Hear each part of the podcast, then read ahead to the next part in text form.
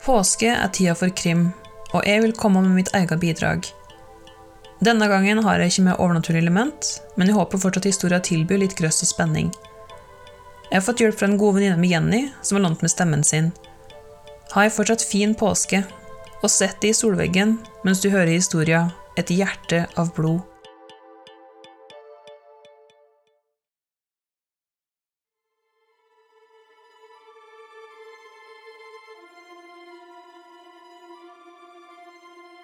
Den eneste bevegelsen Ørjan tillater seg, er den nesten ikke-eksisterende pustingen og den tilhørende hevingen og senkingen av den blodige T-skjorta. Klesstoffet klebrer seg til kroppen, og det dunker i det livstruende stikket fra kniven. Likevel sitter han helt stille, selv om han er i en desperat kamp mot panikken. Han må ha hjelp, så han kan hjelpe henne. Mørket er totalt. Han lukker øynene og det utgjør ingen forskjell. Han er blendet av en svart verden som har slukt han hel. Noe knirker rett ved han. Et nesten hvitglødende lys farer over han idet døra til skapet han gjemmer seg i, blir revet opp. Lyset tar over for mørket så brått at han ser prikker. Øynene som møter hans, er fylt med en villskap han bare har sett hos medpasientene sine. Det skinner dunkelt i en kniv Ørjan gjenkjenner med det samme. Det skarpe bladet er rødt av blod. Hans blod. Det er da det går opp for han. Han skal dø.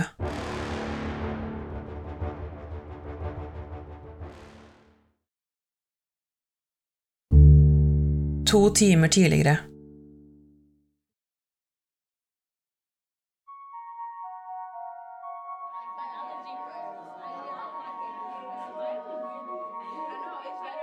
Miriam pakker alltid sekken sin med en voldsom skjødesløshet. Hun slenger bare bøkene oppi, og bryr seg ikke om omslagene blir revet opp. Pennalet ender opp enten øverst eller nederst i denne bunken, gjerne med åpen glidelås, så fargeblyanter og Hello Kitty-visklær flyter rundt og lager morsomme lyder når hun løper. Om hun glemmer deler av lunsjen sin nederst i sekken, blir hun instruert av moren å tørke vekk levningene etter et sprengt yoghurtbeger eller den seige massen som utgjør en overmoden banan. I dag er intet unntak. Idet læreren klapper i hendene og annonserer for klassen at timen er over, snubler nesten Miriam i sine egne føtter for å komme seg fortest mulig ut døra. Etter å ha brukt akkurat fem sekunder på å stappe mattebøkene ned blant sammenfølgede løse ark, slenger hun sekken over skulderen. Det er påskeferie. Hvert ekstra sekund hun tilbringer innenfor klasserommets fire vegger, som er tapetsert med barnetegninger og huskeregler på rim, er enda et sekund bortkastet. Miriam stopper ikke opp, men sakker farten en anelse når hun passerer vennene sine og ønsker dem god påske. Så beinflyr hun nedover den fortsatt tomme korridoren. Hun er alltid først ut. Utgangsdøra er bare noen meter unna når hun hopper høyt av et voldsomt smell. Hun snur seg og ser at matboksen hennes har falt ut av den halvlukkede sekken. Miriam bøyer seg og langer ut etter plastikkbeholderen, men en fot skyter fram og tråkker på den. Hun ser opp på personen foten tilhører, og smiler stort.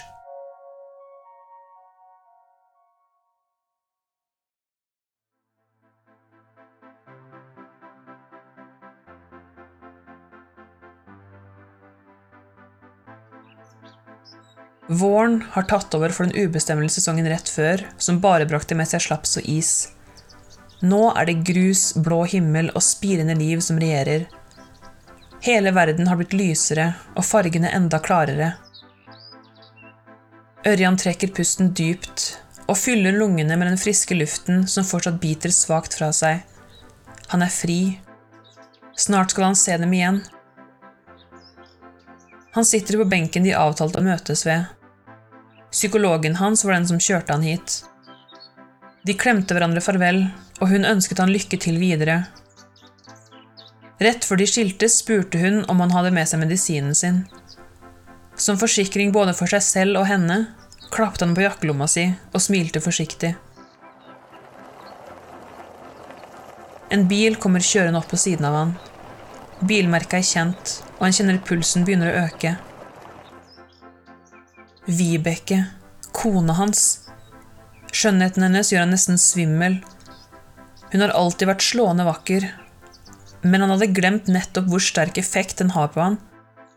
Likevel er det ikke det han legger merke til først denne gangen.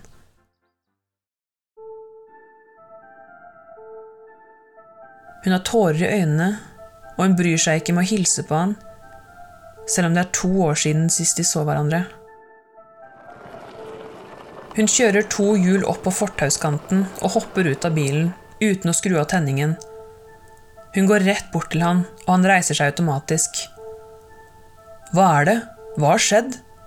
spør Ørjan og prøver å få tak i hendene hennes. Hun er borte, Ørjan. Noen kidnappet henne på skolen. Han blunker flere ganger, forvirret over de første ordene han har hørt henne si på to år. Gleden over å endelig komme til dagen han har sett fram til så lenge, blir overskygget av tyngden denne ene setningen har. Hvordan er det mulig? Sto ikke du parkert rett utenfor? spør han, og kjenner allerede hvor høy pulsen har blitt. Du hører ikke hva jeg sier. Hun var fortsatt inne i bygningen. Hun kom aldri ut. Vibeke drar en hånd gjennom håret, en gest han gjenkjenner og vet er et tegn på stress. Har du ringt politiet? Spør Ørjan. Selvsagt har jeg det. Så hva gjør vi nå? De har allerede finkjemmet skolen og trenger ikke at vi forkludrer åstedet ytterligere. De sier det er best vi drar hjem og venter der i tilfelle hun brått dukker opp. sier Vibeke. Underleppa hennes har begynt å skjelve. Selv om ordene er frarøvet all følelse, og hun tviholder på beskjedene det er tydelig dere har prakket på henne, ser han rett gjennom det. Han legger armene rundt kona si. Hun stivner, men synker til slutt inn i omfavnelsen. Mangelen på besøk og kontakt fordufter i denne ene enkle gesten.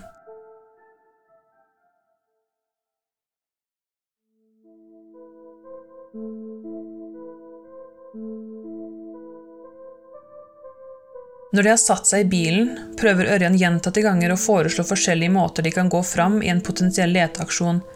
De kan ikke bare sitte og ikke gjøre noe. Men Vibeke slår ned alt han sier. Politiet har sagt at de må la dem ta seg av letearbeidet. Ørjan smugler en tablett ut fra lomma si og svelger den tørt. Det føles malplassert å snakke om noe annet, så de faller inn i en vanskelig stillhet. De parkerer i oppkjørselen til huset de har delt i ti år. Til tross for den bankende kvalmen over at datteren hans er borte, kjenner Ørjan en ufattelig lettelse når han ser de kjente brune husveggene og vedskjulet som fremdeles heller altfor mye til venstre. Ørjan skotter bort på Vibeke, som går ved siden av han med blikket rettet mot bakken. Det virker som tiden har stått stille, på en eller annen bisarr måte. Idet de går inn, blir Ørjan var en ukjent lukt, noe unektelig maskulint. Han rekker ikke å tenke ferdig tanken før han snur seg og ser rett inn i det forvirrede ansiktet til en helt fremmed mann. Og ved siden av han, med en nysmurt brødskive med brunost i den ene hånden, står Miriam.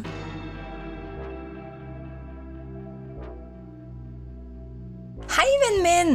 Are husket altså å hente deg på skolen denne gangen. spør Vibeke og rusker Miriam i håret. Miriam svarer ikke.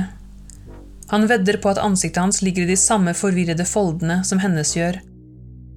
Og, som om alt dette ikke var forvirrende nok, vender Vibeke seg mot inntrengeren og kysser han lett på munnen. Hun legger en arm rundt midjen hans og ser så på Ørjan med et sukkersøtt smil. Ørjan, dette er Are. Han er samboeren min. Are, dette er Ørjan, ektemannen min. Ørjan svelger. Tiden har altså ikke stått fullt så stille likevel. Mennene ser på hverandre som om de er to omvendte speilbilder, ulike på alle måter, unntatt at de begge står fullstendig i ro. Så rynker Are pannen sakte og ser på Vibeke der hun fortsatt står og smiler, uberørt av hele situasjonen. Ektemannen din? Men, men jeg trodde Du sa at han var Stammer Are, og ser ut til å bli mer og mer forvirret for hvert sekund. Ørjan hadde gjort det samme om han bare hadde funnet stemmen sin. Han nøyer seg med å stirre. Nei da, han er ikke død. Han har bare vært tvangsinnlagt. sier Vibeke. Are ser helt perpleks ut. Det virker som om han også hører dette for første gang. Ellers er han en veldig god skuespiller. Vibeke slipper taket i Are og går ut på kjøkkenet. Ørjan gjenvinner endelig evnen til å snakke. Fant du på det med kidnappingen av Miriam? Og har du fortalt alle at jeg var død? Inkludert denne fyren og, min egen datter? Du, du er fullstendig sinnssvak. I realiteten er det du som burde ha blitt sjekket inn. Vibeke kommer tilbake med begge hendene bak ryggen, selve bildet på uskyld. Så hever hun det ene øyenbrynet utfordrende. Jeg? Men det var jo ikke jeg som gjorde dette! sier Vibeke, og i en bevegelse som går for fort til at noen av dem rekker å reagere, kjører hun en kniv inn i brystet på Are. Are krøker seg sammen og lager en kvalt lyd langt bak i strupen. Det eneste som synes av kniven, er skaftet. Are ender opp i knestående, så faller han om på gulvet. Vibeke legger den ene hånden over munnen sin og ser tilgjort sjokkert på ektemannen sin. Ørjan, hvordan kunne du? utbryter hun. Miriam har stilt seg bak Ørjan nå. Han holder henne fast, så han er sikker på at han vet hvor han har henne. Din helvetes drittkjerring! Har det klikka fullstendig for deg? roper Ørjan, med vekslende blikk mellom Vibeke og Are, som har begynt å spytte blod. De perfekte øyenbrynene til Vibeke går gradvis fra bekymrede streker til skadefro buer, Hva mener du? Det var du som knivstakk han? sier hun. Så krysser hun armene og ler. Hele væremåten hennes er avslappet, hverdagslig, Det er ganske romantisk, egentlig. begynner hun. Ektemannen kommer igjen til alles overraskelse, finner ut at kona har gått videre med en annen. I frustrasjon går ektemannen løs på stedfordriveren sin for å gjøre krav på det han fortsatt mener er sitt. Litt av en historie, syns du ikke? Ørjan stirrer vantro på Vibeke, mens hun bøyer seg ned og griper rundt knivskaftet. Are roper ut i vill smerte når hun drar den ut. Ørjan vender seg mot Miriam og hvisker. Spring opp på rommet ditt og gjem deg godt. Vent til Men lenger kommer han ikke. En intens smerte starter brått i den venstre siden hans og jager opp og ned hele kroppen. Han skriker og ser nedover seg selv i skrekkslagen forvirring. Der, stikkende ut på samme måte som det gjort på Are, er det blodige knivskaftet. Den fulle lengden av bladet gled lett gjennom skjorte og hud og har nå mast seg inn i det han antar er den ene nyren. Miriam hyler og forsvinner fra stua. Knærne hans treffer gulvet og lager en ekkel lyd, men den smerten registrerer han ikke. Han legger hendene over og under skaftet og presser dem mot seg. Blodet renner mellom fingrene, og synet gjør han svimmel. Vibeke lener seg ned og legger leppene nesten helt inntil øret hans. Og fordi kona skjønte at hun var nestemann, måtte hun forsvare seg selv. Avslutter hun den fiktive historien sin og drar ut kniven i et nådeløst rykk. Ørjan ser opp på kvinnen han har elsket over halve livet sitt. Men personen som ser tilbake, er en fremmed. Han stavrer seg på beina og kaster seg inn i dørkarmen ut mot gangen for å holde seg oppreist. De våte hendene hans lager groteske versjoner av et barns fingermaling på de hvite veggene. Han halvt kravler, halvt åler seg oppover trappetrinnene. Han kommer seg inn på soverommet han pleide å dele med Vibeke, men som nå lukter sterkt av en annen manns parfyme. Med ikke annet enn håpløshet i det svinnende handlingsmønsteret sitt, åpner han døra til et av klesskapene og går inn. Der kollapser han bak rekken med dressene til Are.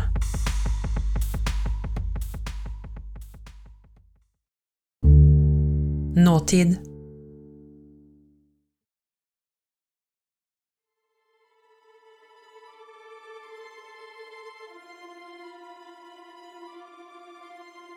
Ørjan ser opp i det ville ansiktet som en gang viste så mye kjærlighet, men som nå bare tørster etter blod. Vibeke står over han med hånden hevet, klar til å gjøre slutt på alt. Ørjan rister på hodet og føler seg brytt ned på et nivå som all terapien og alle pillene aldri gjorde. Hvorfor? er det eneste oppsummerende spørsmålet som gir mening. Vibeke legger hodet på skakke og smiler mens hun forteller. Du har alltid vært en nervøs fyr, Ørjan. Alt jeg trengte å gjøre, var å legge et par spennende heksebrygg i kaffen din hver dag, helt til du sa du begynte å føle deg dårlig. Det er utrolig hva man kan få tak i av piller og oppfølgende velvillighet til å forfalske dokumenter når man vet hvilke tråder man skal dra i, eller nærmere bestemt hvem sin pikk. Ørjan kjenner kvalmen rulle i magen, men av andre grunner enn smerten. Hvordan kan han ha oversett dette? Hans elskede kone gjennom tolv år hadde fått både han og helsevesenet til å tro at han var gal, og fått han låst inn på isolat etter at han våknet en dag uten minner om dagen før. Vibeke hadde grått, og, med et begynnende blåmerke rundt det ene øyet, hadde hun anklaget Ørjan for å ha angrepet henne. Det var det siste gang han så kona og datteren. Han møter blikk til kvinnen over seg. Den Vibeke han giftet seg med, eksisterer ikke lenger. Om hun noen gang hadde gjort det. En bevegelse i øyekroken fanger oppmerksomheten hans. Miriam titter fram fra bak døra. Ørjan rister så vidt på hodet mot henne, men Vibeke ser det og snur seg. Hun åpner munnen for å si noe til datteren, og Ørjan nøler ikke. Han kommer seg opp, får lett tak i kniven i det lille sekundet hun er distrahert, og de faller sammen på gulvet, han over henne. Han stønner høyt av det smertefulle sammenstøtet. Det eneste som er klart, er at denne kvinnen må ufarliggjøres. Han setter seg opp, løfter hånden som holder kniven høyt over hodet, og stikker den rett i hjertet hennes. Rødfargen begynner å renne ut munnvikene hennes nesten med det samme. Blikket hennes blir tåkete og bevegelsene mindre. Til slutt blir hun liggende livløs under han.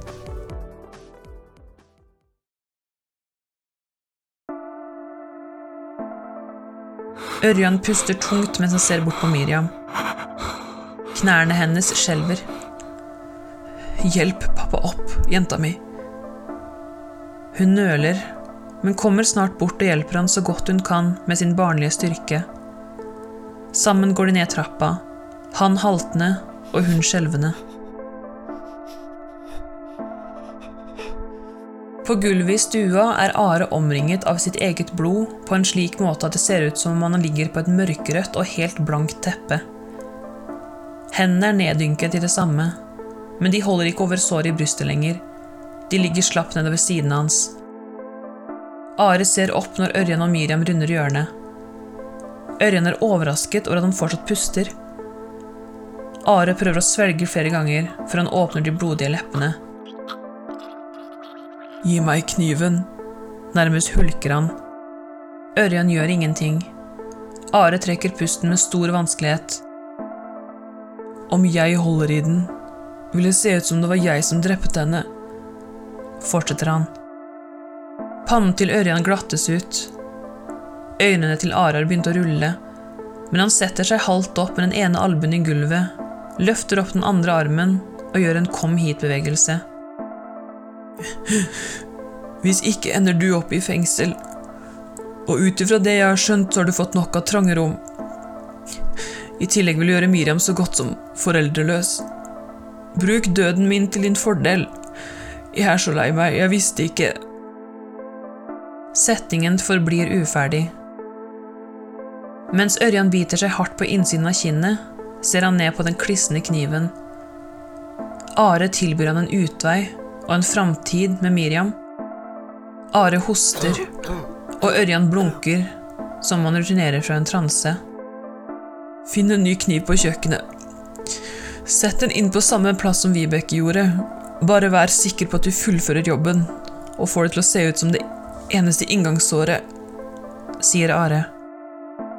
Hvorfor? spør Ørjan lavt. Are smiler halvt til mannen han nettopp har utpekt som sin personlige bøddel. Så sier han Hvordan skal du ellers få det til å se ut som et forsvarsangrep?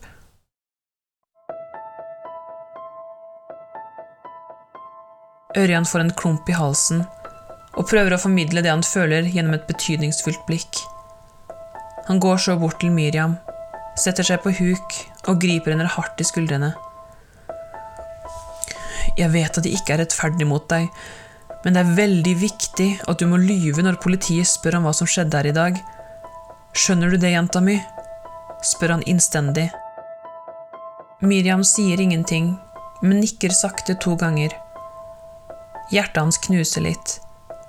Den lille jenta hans ser ut som hun har blitt langt eldre enn de to små årene som har gått siden alt dette startet. Han forter seg ut på kjøkkenet og velger ut en kniv fra stativet ved vasken. Miriam følger varsomt med når Ørjan setter seg på kne ved siden av Are. Han er nøye med å ikke røre Are mens han lirker kniven med både Vibekes og Ares blod inn mellom de ubevegelige fingrene hans. Are griper kraftløs rundt den, så blodet hans skjuler mest mulig av spor etter Ørjan. Se vekk, Miriam. Vi skal gå snart, sier Ørjan uten å se på henne. I øyekroken kan han likevel se at hun gjør som han blir fortalt. Ørjan søker blikket til Are, men det er nesten blitt glassklart.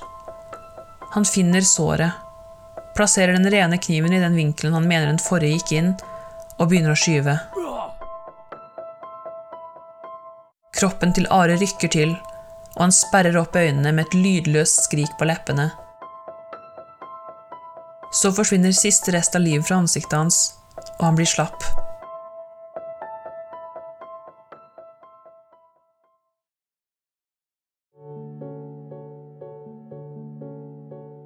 Idet Ørjan reiser seg og ser ned på den døde mannen, innbiller han seg nesten at blodet som omkranser hodet til Are, har laget formen av et hjerte. Det samme hjertet som knuste da han skjønte at Vibeke hadde løyet for han hele tiden. Ørjan drar et erme under de våte øynene sine og går bort til Miriam. Hun prøver å snu seg, men han fører henne bestemt mot gangen, med et krampaktig grep over knivsåret sitt. Vent, sekken min! utbryter Miriam så plutselig at han er på vakt med en gang. Den henger på en knagg ved inngangsdøra. Hun plukker den ned, og Ørjan følger gråtkvalt med mens hun drar glidelåsen møysommelig igjen. Når hun er ferdig, ser hun opp på den skjelvende faren sin og griper hans utstrakte hånd.